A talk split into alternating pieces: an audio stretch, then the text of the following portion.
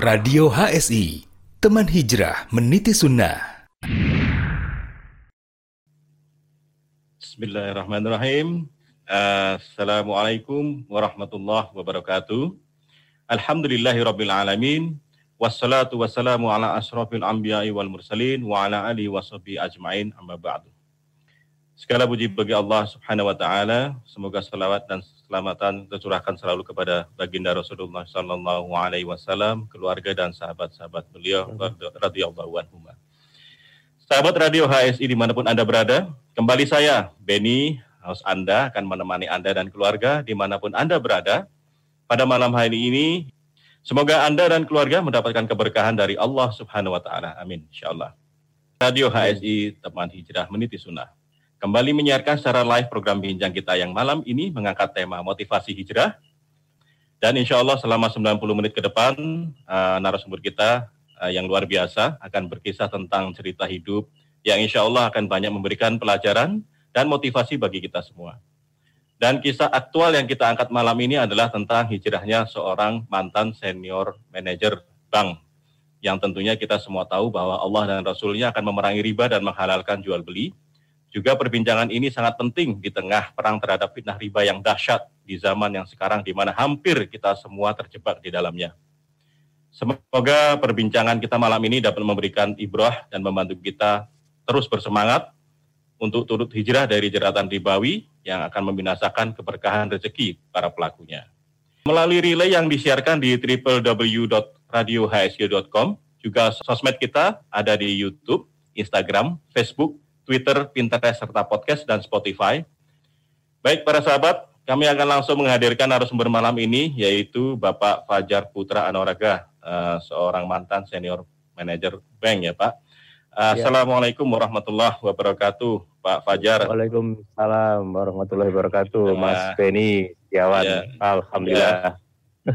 Alhamdulillah Pak Fajar bisa berjumpa di malam yang penuh keberkahan insya Allah. Alhamdulillah. Uh, mudah-mudahan iya. malam ini bisa memberikan suatu apa namanya semangat buat uh, rekan-rekan atau para sahabat radio ASI juga untuk berhijrah. Ya, Bagaimana amin. kabarnya Pak amin. Pak Fajar? Sehat semua keluarga? Alhamdulillah. Alhamdulillah Alhamdulillah. Mas Beni. Alhamdulillah. Khair Aidon. Ya, nah. ya, nah, nah. Amin. Ya. Uh, Pak Fajar kalau melihat dari background, Alhamdulillah, Ana Aidon, Alhamdulillah. Iya, Alhamdulillah. Iya. Uh, Bapak berdomisili di mana Pak? Kalau lihat backgroundnya ini yang jelas bukan di daerah ini ya, bukan di daerah di luar Jawa kayaknya ini. Kalau lihat backgroundnya menarik ini. di mana Pak domisili Pak? Ini ini di Jogja, Mas Penny. Ini di Jogja. Alhamdulillah. Uh, di kaki Merapi, Mas Penny. Masya Allah. Uh, tepatnya di Sindu Martani. Uh, ya Alhamdulillah ini 17 kilo dari puncak Merapi Mas Beni. Semoga tidak ada awan panas yang turun menuju kami Mas Beni. uh, semoga Amin. Allah menjaga kami. Iya, Allah, karena... semoga Bapak dan keluarga juga selalu aman dan mm -hmm. juga sehat selalu. Amin, amin, amin, amin, amin, Mas Beni. Situasi di Merapi ada ini, Pak, ada yang berkembang mungkin di akhir-akhir ini uh, di Bapak? Kalau akhir-akhir ini tidak, Mas Beni. Jadi hanya kira-kira dua minggu yang lalu aja itu lava merapi memang turun. Tetapi saya lihat malam ini ini uh, tidak ini tidak terlihat karena kalau keluar itu memang kelihatan dari rumah kami. Jadi merah keluar memijar terang, Mas Beni. Masya Allah. Ya, ya, ya, ya. ya. Iya. Nah, ngomong-ngomong kita kompak nih Pak, merah sama merah Pak. Gak sengaja Mas Beni ya. Oh, Gak sengaja, tapi kita Gak sengaja. satu ini satu frekuensi kayaknya Pak. Satu frekuensi kayaknya kalau kita ngobrol langsung enak ini Mas Beni ketemu langsung. Alhamdulillah, Alhamdulillah. Ngopi Mas. Nah, nah, insya Allah, insya Allah, insya Allah. Semoga Allah mudahkan kita ketemu Pak, insya Allah satu saat ya juga para sahabat radio ASI hmm. juga bisa ngobrol langsung mungkin ya dengan Bapak malam ini hmm. mungkin bisa harus melalui handphone dulu. Nanti kalau bisa dengan Bapak bisa main ke sana Pak ya di daerah lereng Gunung Merapi Pak ya. Ya, ya. Ya, tadi berkaitan dengan apa namanya kegiatan Bapak sekarang apa Pak? Kalau boleh kami di-share Pak kegiatan yang sekarang. Pak. Kalau sekarang kami memang meneruskan usaha keluarga Mas Beni setelah berbagai macam lika-liku yang saya alami setelah resign dari Bank Mandiri. Kalau sekarang memang usaha keluarga kami ini anu persewaan alat pesta Mas Benny. Oh, Tapi nah, ya nah, memang kodarullah karena pandemi ya nunggu ini Mas Benny. Semoga pandemi segera berlalu. Amin. Amin. Amin. Amin. Insya Allah Pak. Insya Allah semoga Bapak dimudahkan uh, iya. Jadi sebelum nanti kita mendalami apa kegiatan Bapak tersebut dan lika-likunya gitu ya. Hmm. Belum berijah itu mungkin banyak yang hmm. Eh, penasaran nih, Bapak apa sih Pak kegiatannya Pak sebelum hmm. berijah? Uh, apa aja yang Bapak hmm. lakukan? Terus berapa lama Bapak juga hmm. bekerja di kegiatan tersebut? Iya. Uh, itu aja sih Pak. Jadi hmm. mungkin bisa hmm. jelaskan. Monggo Pak, silakan. Hmm. Yeah. Jadi begini Mas Benny, secara singkat memang uh, hijrah saya ini memang sudah cukup lama. Saya keluar itu tahun 2006 uh, Mas Penny. Jadi saya itu ya alhamdulillah pada saat itu karir memang pas naik memang ya itu memang bagian dari ujian ya karena pas karir naik tetapi kemudian uh, saya menemukan uh, benturan Mas Penny. Benturannya adalah karena karir naik maka pekerjaan juga tambah banyak. Karena pekerjaan banyak maka saya pulangnya tidak hanya malam Mas Penny, pagi Mas Penny baru subuh itu saya pulang. Nah, sehingga kemudian saya tidur sejenak nanti jam 10 berangkat lagi. Besoknya gitu lagi Mas Benny. Jadi ya Allah kayaknya memang sudah membuat rencana supaya saya harus keluar Mas Benny. Jadi istilahnya dipaksa dari dua sisi. Sisi nah. sisi yang pertama adalah kondisi kerja sisi kedua itu sisi yang lain yang nanti saya akan ceritakan. Apakah langsung diceritakan sekarang, Mas Benny? Ya Pak, biar nanti kita para sahabat Radio ASI bisa mendigest ya, ya apa namanya pelan-pelan kita coba untuk iya. mengurai perlahan-lahan Pak mungkin Pak. Jadi uh, menarik ada sedikit-sedikit apa namanya petunjuk uh, mengenai apa kegiatan uh, Bapak sebelum berijah ya. Tapi sebelum uh, kegiatan lebih detailnya Pak, berapa lama Bapak dulu di bank Pak sebelumnya untuk kegiatannya itu? Saya mengawali karir itu di Bank Mas Beni dari tahun 95 ya dari tahun 95 sampai dengan 2000 jadi lima tahun. Kemudian dilanjutkan dengan merger kan setelah itu merger menjadi nah. setelah melebur dari bank itu tahun 2000 saya akhirnya ikut di bank dengan tahun 2006. Lah kemudian pekerjaannya apa? Nah, memang pada awalnya saya itu bergabung menjadi supporting unit, yaitu di bagian penelitian. Memang saya suka di bagian penelitian. Jadi penelitiannya untuk apa? Itu lagi Mas Benny. Penelitiannya untuk mendukung kredit. Jadi hmm. saya itu menyusun industri rating Mas Benny. Industri rating kita kelompokkan industri di Indonesia itu ada yang merah, ada yang kuning, ada yang hijau. Jadi yang hijau itu nanti uh, sebaiknya dibiayai oleh nanti yang merah jangan dan seterusnya Mas Benny. Uh, gambarnya seperti itu. Terus kemudian akhirnya saya gabung ke divisi corporate banking. Jadi divisi di mana pemberian kredit itu yang raksasa Mas Benny. Sekali kasih kredit bisa 300 miliar. Jadi seperti itu minimum ya, minimum 300 miliar. Tapi ya bervariasi ada yang 1,2 triliun dan seterusnya. Tapi minimum di divisi korporasi ini 300 miliar paling kecil. Itu ininya. Nah, terus kemudian saya di bagian apa di corporate banking ini? Saya di bagian performance management. Jadi yang mengukur kualitas kreditnya dan menyusun strategi untuk masuk ke bisnis yang lebih detail lagi, Mas Benny. Oh, jadi lebih detail lagi sekaligus memberikan koreksi pada teman-teman tentang layanan perbankannya, bagaimana teman-teman itu memberikan kredit ke apa kelebihan dan kekurangannya. Jadi saya itu istilahnya e, melakukan penelitian mengenai customer satisfaction. Jadi kepuasan konsumen, kepuasan pelanggan. Nah, di situlah kemudian yang terjadi memang bertentangan dengan hati nurani Mas Benny.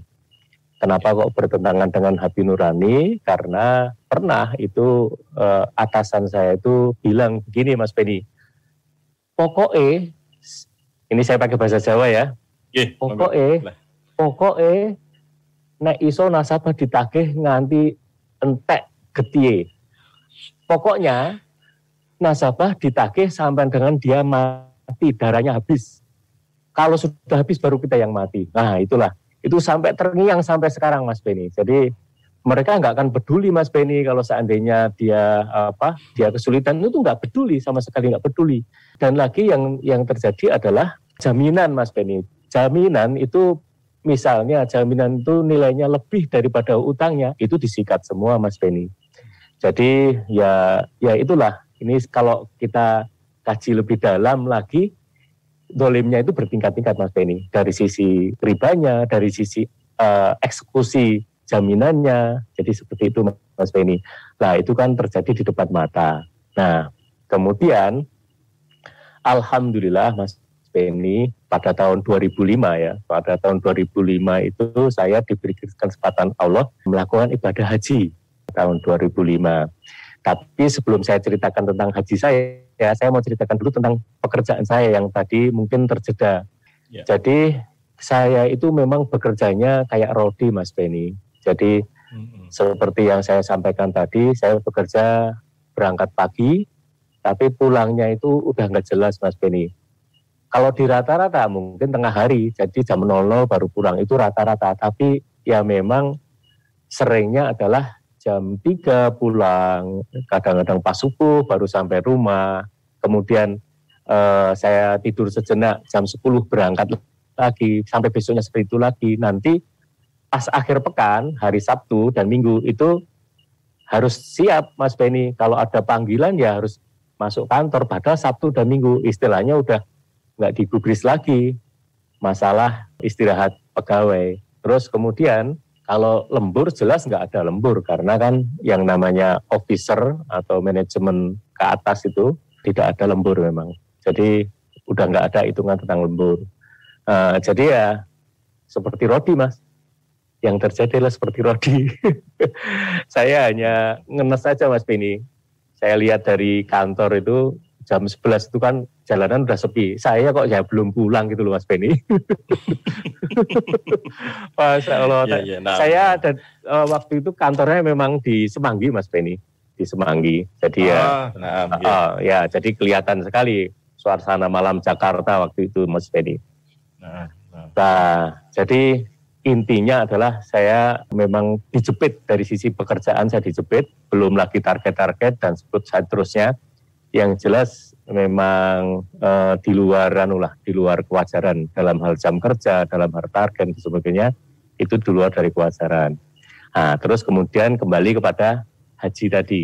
Jadi artinya sebelum saya haji itu sebenarnya sudah ada keinginan pengen keluar tapi belum ini Mas Beni belum terjadi. Nah, kemudian saya haji Mas Beni. Saat saya haji Kemudian saya datang ke Madinah duluan Mas Beni. Jadi sebelum uh, ke Mekah ke Madinah dulu ya sekitar mungkin semingguan Mas Beni.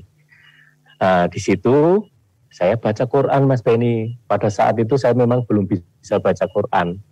Jadi saya membacanya adalah Quran yang terjemahan itu Mas Beni, yang ada artinya, terjemahan Indonesia.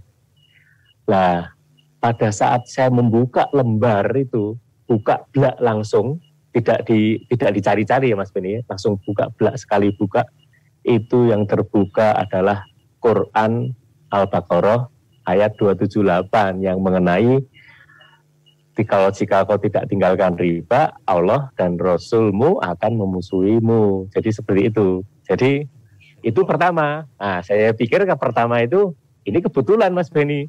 Ya. Hari berikutnya itu saya datang ke Masjid Nabawi lagi, buka Quran. Tapi tempat Quran kan udah beda Mas Beni, karena setiap kali datang nah. kan kita akan berpindah tempat. Nah.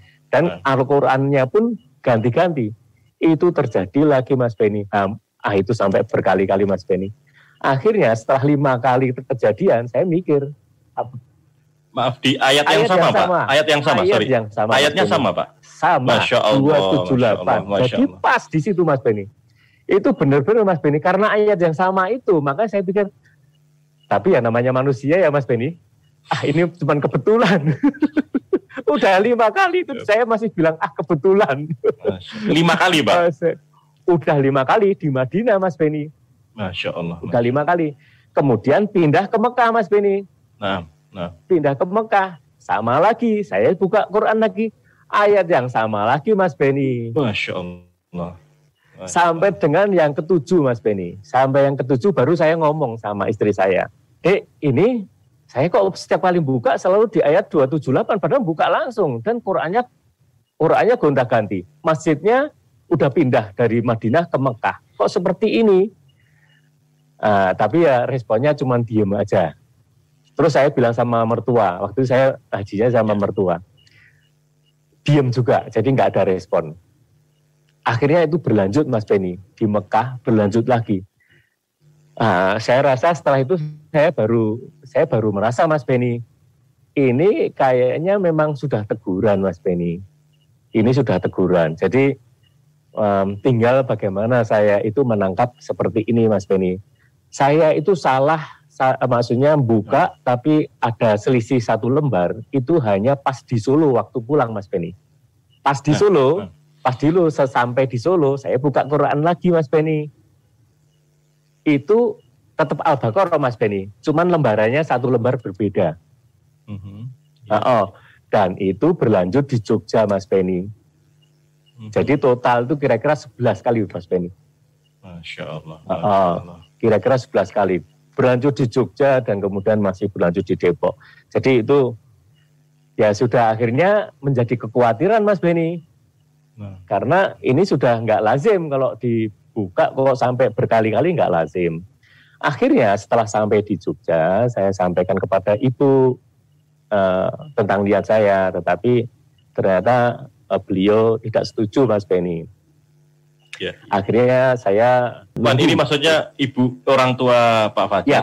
Oh, ya, nah, ibu, kandung, nah, ibu kandung, nah, ibu ya. kandung, ibu kandung. Terus kemudian saya juga bertanya pada ayah, ayah saya, ayah kandung saya. Kalau ayah itu menjawabnya adalah netral. Jadi netral artinya ya coba dipikirkan lagi. Tapi kalau ibu tidak setuju, jadi gitu Mas Beni. Itu kejadian pada bulan Februari 2006. Nah, terus kemudian akhirnya semakin bergejolak Mas Beni ininya apa dalam batin itu kan semakin bergejolak ya antara antara takut dan antara ya semuanya sebenarnya takut di satu sisi takut ancaman Allah di sisi yang lain saya takut nggak bisa makan kalau keluar gitu loh Mas Beni kayaknya itu hal yang umum dialami oleh teman-teman yang di bank Eh, bagaimana kalau keluar saya makan apa. Kayaknya memang seperti itu Mas Benny. Karena pada saat itu kan memang kita nggak punya usaha Mas Benny. Jadi memang benar-benar mengandalkan gaji dari bank itu. Nah, kemudian akhirnya bulan Juli saya memberanikan diri bertanya lagi kepada ibu Mas Benny. Nah. Minta izin untuk keluar. Ternyata rentang waktu antara Februari dan Januari tidak merubah sikap ibu. Ibu tetap menentang. Nah ini jadi bagi saya menjadi berat Mas Benny karena beratnya adalah nanti saya pasti disalah-salahkan kalau seandainya keluar gitu loh Mas Benny. Itu kayaknya manusiawi ya Mas Benny ya, ada ya. rasa khawatir gitu. Ya. Ya. Terus kemudian bulan September saya sudah gak tahan Mas Benny.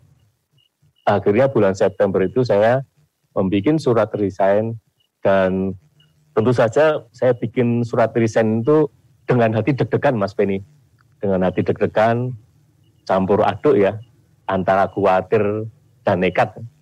Gak tahu ini ini istilahnya berani atau nekat, saya nggak tahu. Tapi yang jelas karena sudah nggak kuat Mas Beni. Ah, Akhirnya saya itu ini Mas Beni. Saya nulis surat, saya tanda tangani, saya bawa sepanjang perjalanan dari ruangan saya ke ruangan kepala divisi, grup head namanya, nah. itu saya membaca doanya Nabi Ibrahim. Hmm hasbunallah wa ni'mal wakil ni'mal maula wa ni'mal nasir. Ya itu saya baca itu terus jadi artinya saya sudah pasrah nih saya nggak tahu karena memang saya nggak punya persiapan dan juga nggak punya modal uang cash yang bisa digunakan untuk usaha saya hanya pasrah aja Mas Benny akhirnya saya bawa saya berikan kepada divisi saya kemudian beliau, beliau baca tapi nampaknya beliau nggak berkenan Mas Benny. Beliau nggak berkenan. Beliau nggak berkenan karena memang selama ini kita itu lembur bareng, ya hmm. istilahnya menanggung pekerjaan bareng-bareng. Jadi hmm. kalau saya keluar mungkin ada sesuatu yang dia merasa kurang gitu loh. Hmm. Saya wawalan beliau ini tapi kenyataannya dalam tanda petik kayaknya surat itu enggak nggak ditanggapi terus kemudian nggak direspon Mas Benny no. mungkin dibuang mungkin oh, dibuang mungkin dibuang jadi memang saya memang benar-benar nggak direspon itu Mas Benny. Terus kemudian setelah saya tunggu responnya sampai dengan dua bulan tiga bulan gitu Mas Benny kok tetap nggak ada respon ya, hmm. ya, hati saya kan semakin nggak enak yeah, Mas yeah. Benny no.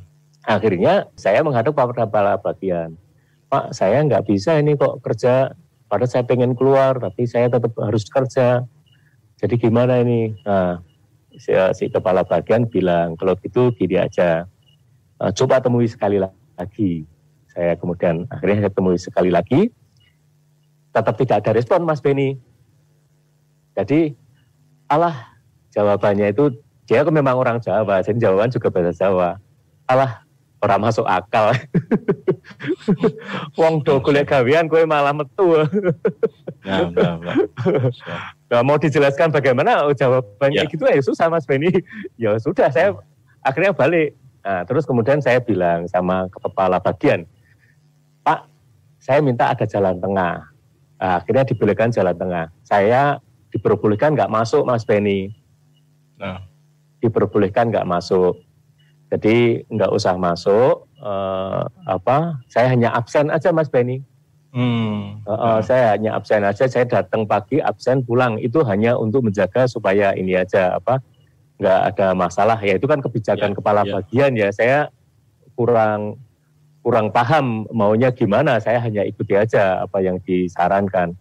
Nah, jadi akhirnya saya melakukan itu Mas Benny, melakukan sebagaimana yang disarankan kepala bagian. Saya masuk pagi, pulang, langsung pulang. Saya nggak absen sore. Jadi setiap hari hanya absen pagi dan pulang. Uh, kemungkinan itu adalah kemudahan yang diberikan Allah Mas Benny. Jadi selama masa tunggu tadi, hmm. uh, saya memang cari ini Mas Benny, cari usaha. Saya itu cari usaha cleaning service Mas Benny. Jadi saya sama temennya, teman saya itu mau usaha cleaning service Mas Beni. Saya masuk ke BI Mas Beni, tapi pakai bed cleaning service Mas Beni. Hmm. Itu saya ketemu teman saya sampai nggak percaya dia. Karena saya pakai bed cleaning service. Loh, apa benar? Ya benar, ya nggak apa-apa, nggak masalah. Ini saya memang mau istilahnya cleaning service itu gini Mas Beni. Jadi saya itu mengambil alih perusahaan lama jadi saya beli itunya Mas Beni, saya beli peralatannya, terus kemudian pegawainya saya ambil anu. Tapi dalam kenyataannya Mas Beni ini, jadi gagal mendapatkan proses pegawai itu bank tersebut. Jadi itu belum lepas. Kemudian pada saat saya mencari proyek cleaning service ke sebuah kampus swasta, Mas Benny, itu juga ya. afiliasi dengan Bank Indonesia. Saya boleh sebutkan namanya apa? Ya, sebaiknya untuk merek uh, mungkin sebaiknya disamakan. Oh, oh ya, ya baik. Jadi suatu ya, perguruan ya, tinggi, ya, ya, di suatu perguruan tinggi yang itu afiliasi, afiliasi Bank Indonesia sebenarnya. Terus kemudian akhirnya ya. yang terjadi saya itu klinik uh, proposal cleaning service saya ditolak, tetapi saya malah diterima jadi dosen, Mas Benny. Nah. Uh, uh, jadi saya Masya Allah, Masya Allah. diterima jadi dosen. Jadi hijrah saya itu jadi dua tahap Mas Beni.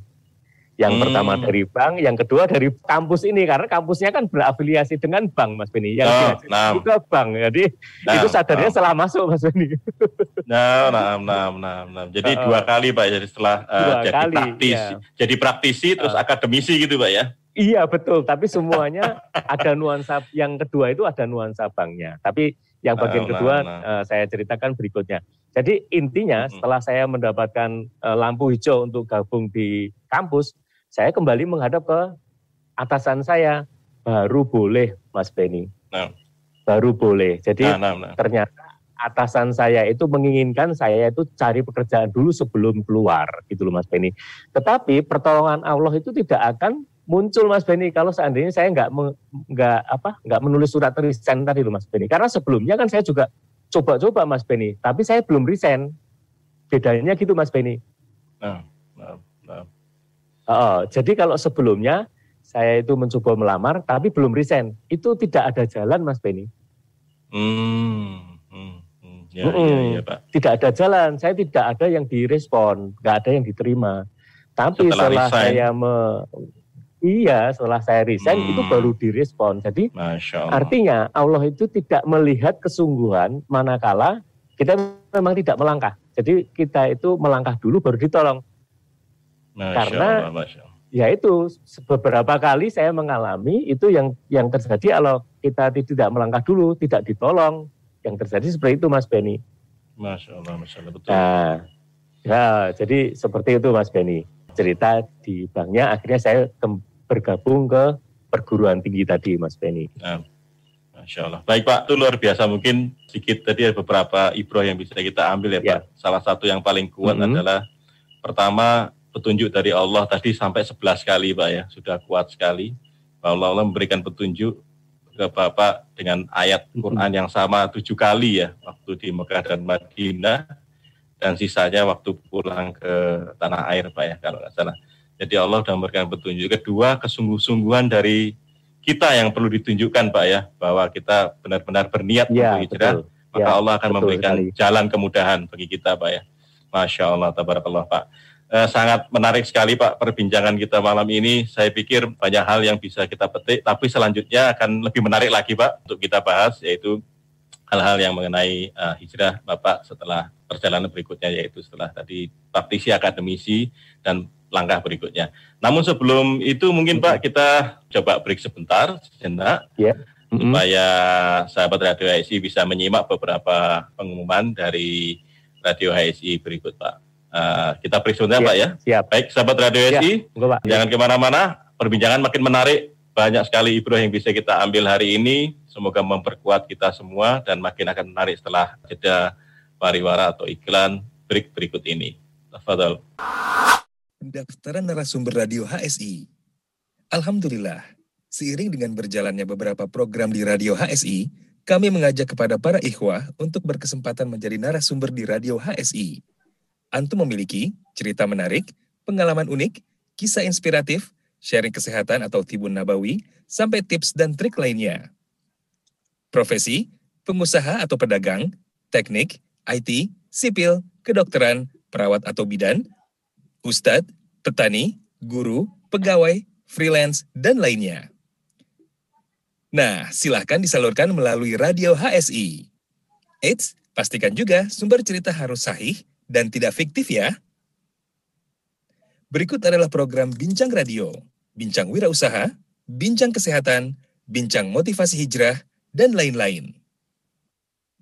Yuk ikut bergabung dan ramaikan. Insya Allah, kebaikan sekecil apa pun yang kita berikan dapat menjadi jalan kebaikan yang besar bagi orang lain. Kita tunggu sharingnya ya. Jazakumullahu khairan. Barakallahu fikum. Radio HSI, teman hijrah meniti sunnah. Radio HSI, bersama melawan COVID-19. Sahabat Radio HSI, musim pandemi masih berlangsung di negara kita. Tingkatkan iman dan takwa kita Semoga Allah Subhanahu wa Ta'ala mengangkat musibah ini. Mari bersama kita secara disiplin terapkan adaptasi kebiasaan baru sebagai wujud kontribusi kita di dalam memutus rantai penularannya. Berikut kebiasaan baru yang harus kita terapkan. Satu, pakai masker. Dua, sering cuci tangan dengan sabun dan air mengalir. Tiga, jaga jarak 1 sampai 2 meter. Empat, perbanyak asupan gizi dan vitamin untuk tubuh kita. Lima, hindari bepergian tanpa keperluan yang penting atau mendesak. Sahabat Radio HSI, mari bersama-sama kita hentikan penularan COVID-19. Radio HSI, teman hijrah meniti sunnah. Program baru dari Radio HSI yang siap menemani aktivitas pagi sahabat Radio HSI. Ngopi, ngobrol pagi bareng Radio HSI. Seputar info cuaca, tips kesehatan, lifestyle, program radio, info kajian Ustadz Abdullah Roy, dan lain-lain. Simak live-nya setiap hari Sabtu jam 6 hingga 7 pagi hanya di medsos Radio HSI. Teman hijrah meniti sunnah. Baik, sahabat Radio HSI, masih bersama saya Benny dan narasumber kita yang luar biasa, sudah menyampaikan beberapa poin. Setelah break sebentar, kita mungkin lanjutkan Pak sedikit aja. Sebelum sebenarnya ya. ada beberapa pertanyaan sudah masuk, tapi sebelum itu kita hmm. lanjutkan sebentar. Apa yang Bapak tadi mungkin setelah menemukan apa akademik ya Pak, praktisi ke akademisi. Hmm. Mungkin setelah itu hijrah kedua kali Pak ya. Itu seperti ya, apa? Yang Pak? kedua. Dari oh, setelah akademisi. Jadi, ya. mm, jadi di akademisi itu saya baru sadar. Memang saya pada saat menjadi dosen itu saya memilih-milih mas Mas Penny. Saya memilih-milih mata kuliah. Jadi mata kuliah perbankan saya nggak mau. Tapi saya memilih seperti mata kuliah bank syariah itu saya masih mau Mas Penny. Tetapi memang acuan saya Ustadz Erwandi. Tapi yang terjadi adalah konflik nih Mas Penny. Konflik dengan dosen yang lain karena kan jelas itu berbeda dengan konsep yang mereka ajarkan. Jadi saya mengkritik, beliau enggak. Wah itu jadi agak repot Mas Benny. jadi dalam pengajaran saya memang terus terang menggunakan pertama bukunya Ustadz Arifin Badri, yaitu kritik praktek bank syariah hmm. di Indonesia. Nah, yang kedua itu dengan Ustadz Erwandi. Nah, tapi permasalahan di kritik bank, praktek bank syariah ini saya berbenturan dengan dosen bank syariah yang lain. Hmm. Itu. Nah, itu yang pertama, permasalahan yang per pertama. Yang kedua, saya dijadikan ketua P3M. P3M itu Pusat Penelitian dan Pengembangan Mahasiswa. Jadi di situ ada kegiatan yang namanya kegiatan magang, magang keperbankan, kemudian e, penelitian, terus kemudian e, training. Nah, magang itu jelas, itu berarti kan saya mendukung perbankan dalam hal pendidikan. Karena kan mendidik mahasiswa memperkenalkan perbankan itu sudah jelas salah. Terus yang kedua dalam hal uh, training, training saya yang menjadi komandan kan, komandan untuk ngadain training. Ya memang kalau seperti customer service masih nggak nyangkut langsung ya, tapi nanti ada perkreditan, ada treasury yang sifatnya goror, treasury itu, terus yang lainnya, tapi semuanya istilahnya itu mendukung perbankan, kegiatan perbankan. Nah, jelas ini loh kok jadi kembali lagi. Nah, ini malah mungkin menurut saya lebih berat Mas Beni karena nah. dosa jariah ini Mas Beni. Nah, dosa nah. jariah. Tetapi saya demi menenangkan hati saya, maka saya berpesan pada mahasiswa mahasiswa besok kalau lulus Anda jangan kerja di bank. Jadi gitu, hmm. saya sebenarnya itu menghibur hati, tetapi ya memang namanya juga lulusan perbankan ya, akhirnya kerjanya ya nah. banyak yang diperbankan Mas Benny, jadi gitu. Nah, uh, ya gimana? jadi kalau boleh ya review tadi itu hmm. tadi, jadi Bapak merasa bahwa lebih berat menjadi akademisi karena ininya apa jariah Pak ya dosanya ya, jariah. Betul, dosa kalau, jariah. Kalau hmm. mengajarkan ilmu kepada orang yang akan menjadi praktisi gitu Pak ya. Iya, nah, betul. Di situ betul. mungkin muncul konflik kedua, konflik batin Pak ya. Apa yang Bapak ya, rasakan betul. saat itu dan kemudian titik apa yang membuat Bapak bisa keluar dari hijrah keduanya mungkin Pak sebagai apa uh, titik keduanya? Kalau kedua. kalau kalau titik keduanya itu memang gini Mas, itu kejadian yang sebenarnya semua saya tidak rencanakan. Jadi waktu itu saya umroh Mas Penny. Nah, yang dulu haji kan Mas Penny, sekarang umroh Mas Penny. Saya umroh. Oh, nah. nah, nah. pas saya nah, balik iya, umroh, iya itu semua uh, ruangan saya itu nggak boleh dipakai Mas Beni. Intinya di situ Mas Beni. ruangan saya itu nggak boleh dipakai. Oh, ruangan apa itu Pak? Ruangan ruang kerja saya. Oh gitu Pak? Oh, ruang kerja saya nggak bisa nah, dipakai. Nah. Uh, ya memang ini sebelum berangkat memang ada masalah saya dengan pimpinan Mas Beni. oh, nah, nah, nah. Uh, iya iya iya iya iya. Jadi uh, sudah mulai ini Pak ya muncul Pak ya. Nah. Uh, uh, ya jelas karena ya kan konflik-konflik itu nggak dirasa nggak saya terlalu rasakan tapi dirasakan mungkin oleh yang lainnya. Jadi hmm. uh, mungkin sikap saya yang gimana ya Mas Benny, sikap saya yang uh, terlalu anu terlalu to the point atau bagaimana itu membuat nggak suka Mas Benny. Jadi ya seperti itu aja. Kalau ini memang prosesnya tidak begitu lama. Begitu saya tahu ruangan udah nggak ada, saya udah dipindah begitu saja, ya saya langsung bilang ya sudah kalau gitu saya resign. Hmm, nah, nah, nah, nah. Uh, cuman kan tidak ada persiapan Mas Benny. Ya, ya, ya. Tidak ya, ada ya. persiapan. Ya. Nah, jadi resign resign begitu saja dua bulan tanpa gaji Mas Weni. nah, nah, nah, nah, uh, masya Allah. Uh, uh, saya tanpa gaji, tabungan juga pas-pasan. Akhirnya saya jadi pedagang mainan Mas Weni. Jadi apa Pak? Maaf. Pedagang mainan. Oh mainan, sempat Pak ya? Uh, oh, gitu ya, Pak ya? Saya jadi pedagang mainan, saya belanja di ASMK, saya jadi seperti kuli panggul itu loh Mas. Ya, karena ya. Oh, karena memang kan yang kerja saya sendiri, saya panggul gitu. Cuman karena saya nggak bisa nggak biasa manggul, ya seleo Mas Benny. Masya Allah, Masya Allah. Iya, iya, iya. Eh, eh, jadi saya pangguli itu. Kan berkarung-karung saya kalau belanja Mas Benny. Karena mobil kan nggak bisa parkir dekat dengan toko, jadi memang harus dipanggul untuk sampai ke mobil. Nah itu akhirnya saya dagang mainan Mas Benny. Ya, ya, ya. Nah, nah. Mm Dagang mainan itu berarti pulaannya di sana di pasar ya, ya Pak, pasar uh, SMK situ. Ya, pasar dibawa SMK. pulang jualan uh, di rumah Pak. Ya, uh, uh, saya sewa uh. sewa warung lah, sewa warung Mas oh, Benny. Ya, ya, uh, ya, ya. Ya, saya saya jual di situ. Gitu Mas Benny. Ya, ya memang nggak cukup Mas Benny. Nggak cukup. Ya nah, pokoknya, nah, nah. oh apa yang bisa saya kerjakan saya kerjakan. Itu uh, ya singkat cerita saya hanya bertahan enam bulan Mas Benny uh, hmm. uh, mainan ini. Karena omsetnya nggak cukup saya bayar pegawai bayar kontrakan listrik itu nggak anu nggak kerugian akan lebih besar kalau saya lanjutkan. Jadi saya hentikan Mas Benny. Uh, Nah, nah, uh, tetapi pertolongan Allah itu datang pada bulan ketiga, Mas Benny. Bulan ketiga, Pak ya. Nah. Mm -mm, ya, pada bulan ketiga, teman saya menghubungi saya. Dia sampaikan kepada saya, ini teman yang Masya Allah baik sekali Mas Benny. Uh. uh, beliau mungkin menyimak uh, kajian ini Mas Benny. Masya Allah. menyimak Masya siaran langsung ini beliau Masya Allah. ini. Boleh disapa Pak namanya kalau ya, memang menyimak uh, Insya Allah. Mudah-mudahan ya, beliau bisa Ya, oh, namanya Pak Zen Pak Benny. Mas Benny, namanya Zen. Pak Zen. Ya, Masya Allah beliau ini memang luar biasa dari dulu sampai sekarang Mas Benny. Ya, nah, nah, nah, nah. Masya Allah, Masya Allah. Pak Zen, ya, itu Allah, salah Pak satu. Zen, ya. Uh, ya. Uh, uh, Pak Zen ini memang usaha di properti Mas Benny. Nah, nah. Uh, beliau ingin membuka lahan di Cibinong. Dan beliau waktu itu memang butuh modal. Uh, mm -hmm. Menghubungi saya.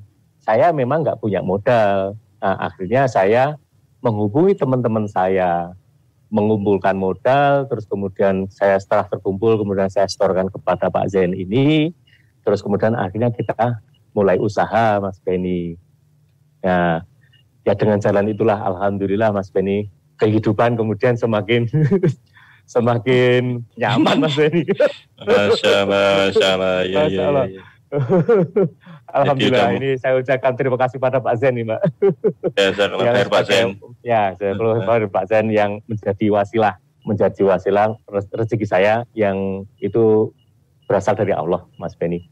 Masya Allah, Masya Allah. Jadi Pak ya. Fajar hmm. luar biasa menarik. Ini fase, saya mengikuti fase itu tadi sambil bayangin Pak, sambil Bapak bayangin saya main Bapak itu luar biasa perjalanannya. Nah ini baru jualan mainan dan ya, dan ketemu Pak Zed. Lalu ada ya. fase berikutnya lagi Pak, mungkin dari Bapak. Fase berikutnya yang bagaimana Mas Penny yang dimaksudkan? Jadi fase maksudnya berikutnya? sampai dengan sampai dengan sekarang, maksudnya dengan kegiatan sekarang mm -hmm. tadi kan jual mainan, ketemu Pak mm -hmm. Zed dan mm -hmm. nah, kemudian mm -hmm. sampai dengan sekarang ada mungkin ada yang lebih mena, ada beberapa tahap lagi atau bagaimana oh. Pak? perjalanannya? Kalau kalau sekarang itu Mas Benny, ini kan pandemi Mas Benny. Nah, nah. uh, pandemi. Jadi uh, pada saat itu gini Mas Benny, saya berjalan dengan Pak Zen itu tiga tahun atau dua tahun setengah Mas Benny. Tetapi kemudian ayah kan sudah sepuh Mas Benny, sudah 70 tahun waktu itu. 73 tepatnya. Beliau itu memanggil saya Mas Benny untuk pulang ke Jogja Mas Benny. Nah, nah ya. Uh -uh. Nah, berarti kan pilihan nih Mas Benny, mau ya. dengan Pak Zen atau ini. Tapi kalau ya. karena ini orang tua ya itu kalau itu jelas nggak bisa dibandingkan kan Mas Beni ya. Ya, ya. ya akhirnya saya pulang Mas Beni, pulang ke Jogja, kemudian melanjutkan usaha ayah dan oh, kemudian ya. ya ya memang yang sekarang kita diuji ya pada masa pandemi ini Mas Beni karena pada bulan Februari sampai dengan Juli itu off sama sekali Mas Beni. tidak ada oh. kegiatan sama sekali. Jadi kantor tutup, pegawai dirumahkan, tidak ada pesanan, sudah kita nunggu pertolongan dari Allah. sampai sekarang. Jadi kalau hmm, sampai sekarang ya Allah. sudah mulai ada kegiatan sedikit-sedikit nah. kegiatan ya memang harus cukup-cukupan Mas Beni. Nah, ini masih dalam taraf bertahan Mas Beni. Nah, berarti Bapak sekarang mengalami ujian hijrah yang kesekian Pak ya. Tadi kan ada beberapa mengenai ya, uh, uh, ketika uh, jadi ke akademisi, sempat uh, ditutup kantornya, kemudian uh, pindah lagi uh, ke mainan gitu Pak ya. Mainan, uh, yeah. anak-anak. Uh, sempat ke Seleo juga Pak ya. Jadi iya, ada ujian-ujian dan sekarang ini ujian demi ujian. Semoga Allah ya, memberikan uh, apa namanya keberkahan Pak terhadap Bapak. Amin dan juga Amin. apa namanya Mas dari ya, dari yang masa lalu diampuni semuanya Pak Insya Allah. Hmm. Amin Mas Beni. Ya. Baik sahabat Radio ASI, mungkin kita ada beberapa pertanyaan Pak yang mungkin sudah mm -hmm. masuk di medsos ya Pak. Saya coba mm -hmm. bukakan satu-satu karena mungkin sudah pada menunggu nih sahabat Radio ya. ASI mau oh, nanya oh, nih. Tapi Oke baik, jadi para sahabat Radio ASI kita akan break dulu sebentar sambil juga kita memperbaiki jaringan atau dengan Pak Fajar tadi. Kita akan kembali setelah jeda pariwara berikut ini. Pendaftaran narasumber radio HSI. Alhamdulillah, seiring dengan berjalannya beberapa program di radio HSI, kami mengajak kepada para ikhwah untuk berkesempatan menjadi narasumber di radio HSI. Antum memiliki cerita menarik, pengalaman unik, kisah inspiratif, sharing kesehatan atau tibun nabawi, sampai tips dan trik lainnya. Profesi, pengusaha atau pedagang, teknik, IT, sipil, kedokteran, perawat atau bidan, ustadz, petani, guru, pegawai, freelance, dan lainnya. Nah, silahkan disalurkan melalui radio HSI. Eits, pastikan juga sumber cerita harus sahih dan tidak fiktif ya. Berikut adalah program Bincang Radio, Bincang Wirausaha, Bincang Kesehatan, Bincang Motivasi Hijrah, dan lain-lain. Yuk ikut bergabung dan ramaikan. Insya Allah, kebaikan sekecil apa pun yang kita berikan dapat menjadi jalan kebaikan yang besar bagi orang lain. Kita tunggu sharingnya ya. Jazakumullahu khairan. Barakallahu fikum. Radio HSI, teman hijrah meniti sunnah. Radio HSI, bersama melawan COVID-19. Sahabat Radio HSI, musim pandemi masih berlangsung di negara kita. Tingkatkan iman dan takwa kita Semoga Allah Subhanahu wa Ta'ala mengangkat musibah ini. Mari bersama kita secara disiplin terapkan adaptasi kebiasaan baru sebagai wujud kontribusi kita di dalam memutus rantai penularannya. Berikut kebiasaan baru yang harus kita terapkan. Satu, pakai masker. Dua, sering cuci tangan dengan sabun dan air mengalir. Tiga, jaga jarak 1-2 meter. Empat, perbanyak asupan gizi dan vitamin untuk tubuh kita. Lima, hindari bepergian tanpa keperluan yang penting atau mendesak.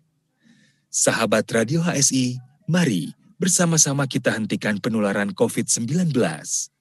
Radio HSI, teman hijrah meniti sunnah.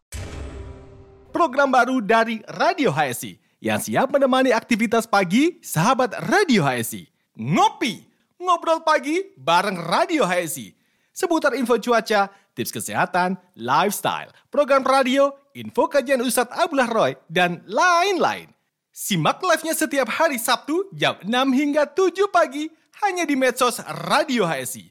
Teman hijrah meniti Sunda.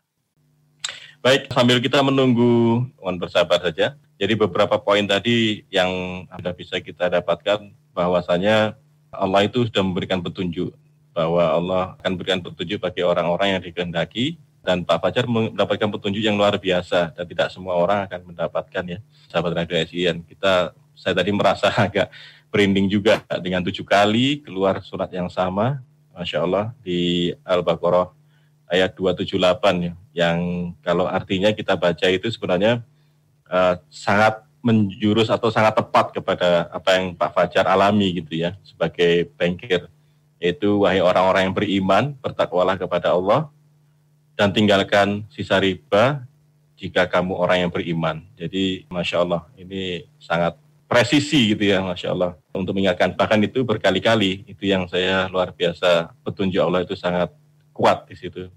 Saya pikir itu. Mohon maaf para sahabat Radio ASI, sepertinya kita mengalami kesulitan dengan jaringan dari narasumber yang kita sangat harapkan. Baik, para sahabat Radio SI, di mana pun Anda berada, pada malam ini kita sudah berbincang dengan Bapak Fajar, di mana kisahnya sangat luar biasa, menginspirasi bagi kita semua, yang tentunya Pak Fajar Putra Anoraga ini memiliki pengalaman-pengalaman yang unik dan kita masing-masing setiap individu setiap insan diberikan pengalaman unik oleh Allah Subhanahu wa taala dalam berhijrah. Namun setiap pengalaman yang dialami oleh setiap orang dan teman atau sahabat kita atau di mana pun kita mendengar pasti memiliki uh, manfaat yang bisa kita ambil atau ibrah yang bisa kita ambil untuk membuat kita lebih semangat lagi ya uh, para sahabat radiasi untuk dalam menguatkan hijrah kita maupun kita melihat bahwa ada orang lain yang mungkin hijrahnya lebih berat dari kita atau mungkin mengalami hal-hal yang berbeda dengan kita. Baik, para sahabat relasi, terima kasih sudah menyimak malam ini. Mohon maaf jika memang ada beberapa kali kesalahan uh, jaringan, yaitu jaringan kesulitan jaringan kami untuk bisa terkonek dengan narasumber. Jazakallah khair Pak Fajar, Putra Anoraga, sudah bersharing kepada kami. Semoga Pak Fajar Putra Anoraga dan keluarga diberikan kesehatan dan juga diberikan keberkahan dalam berhijrah dan rezeki yang dari Allah wa yang, yang berkah. Insya Allah amin kita doakan bersama dan juga para sahabat Radio SI. Tak terasa sudah hampir 90 menit ya kita menemani sahabat Radio SI pada program Bincang Motivasi Hijrah malam ini. Insya Allah kita akan ketemu lagi di hari Senin malam pada program Bincang Wirausaha. Pastikan sahabat Radio HSI tidak terlewat karena insya Allah banyak faedah yang dapat kita ambil. Terus pantau website www.radiohsi.com dan akses semua medsosnya. Kritik dan saran dapat sahabat layangkan ke nomor official Radio HSI di 0822 1992 2005. Saya ulangi, untuk kritik dan saran dapat sahabat layangkan ke nomor official Radio HSI di 0822 1992 2005. Setiap kritik dan saran sangat berharga bagi kami untuk bisa meningkatkan kualitas siaran maupun dapat memberikan manfaat kepada para sahabat Radio HSI. Baik para sahabat, sampai jumpa kembali dan semoga Allah Subhanahu wa taala tetap menguatkan kita berjalan di atas manhaj yang lurus ini serta menjadikan semua usaha kita berbuah pahala dan ampunannya. Saatnya saya Beni dan seluruh kerabat kerja yang bertugas dari studio Radio HSI Abdullah Roy, kami pamit undur diri. Kita tutup dengan doa kafatul masjid. Subhanakallah wa bihamdik. Asyhadu an la ilaha illa anta astaghfiruka wa Radio HSI, teman hijrah meniti sunnah. Radio HSI, teman hijrah meniti sunnah.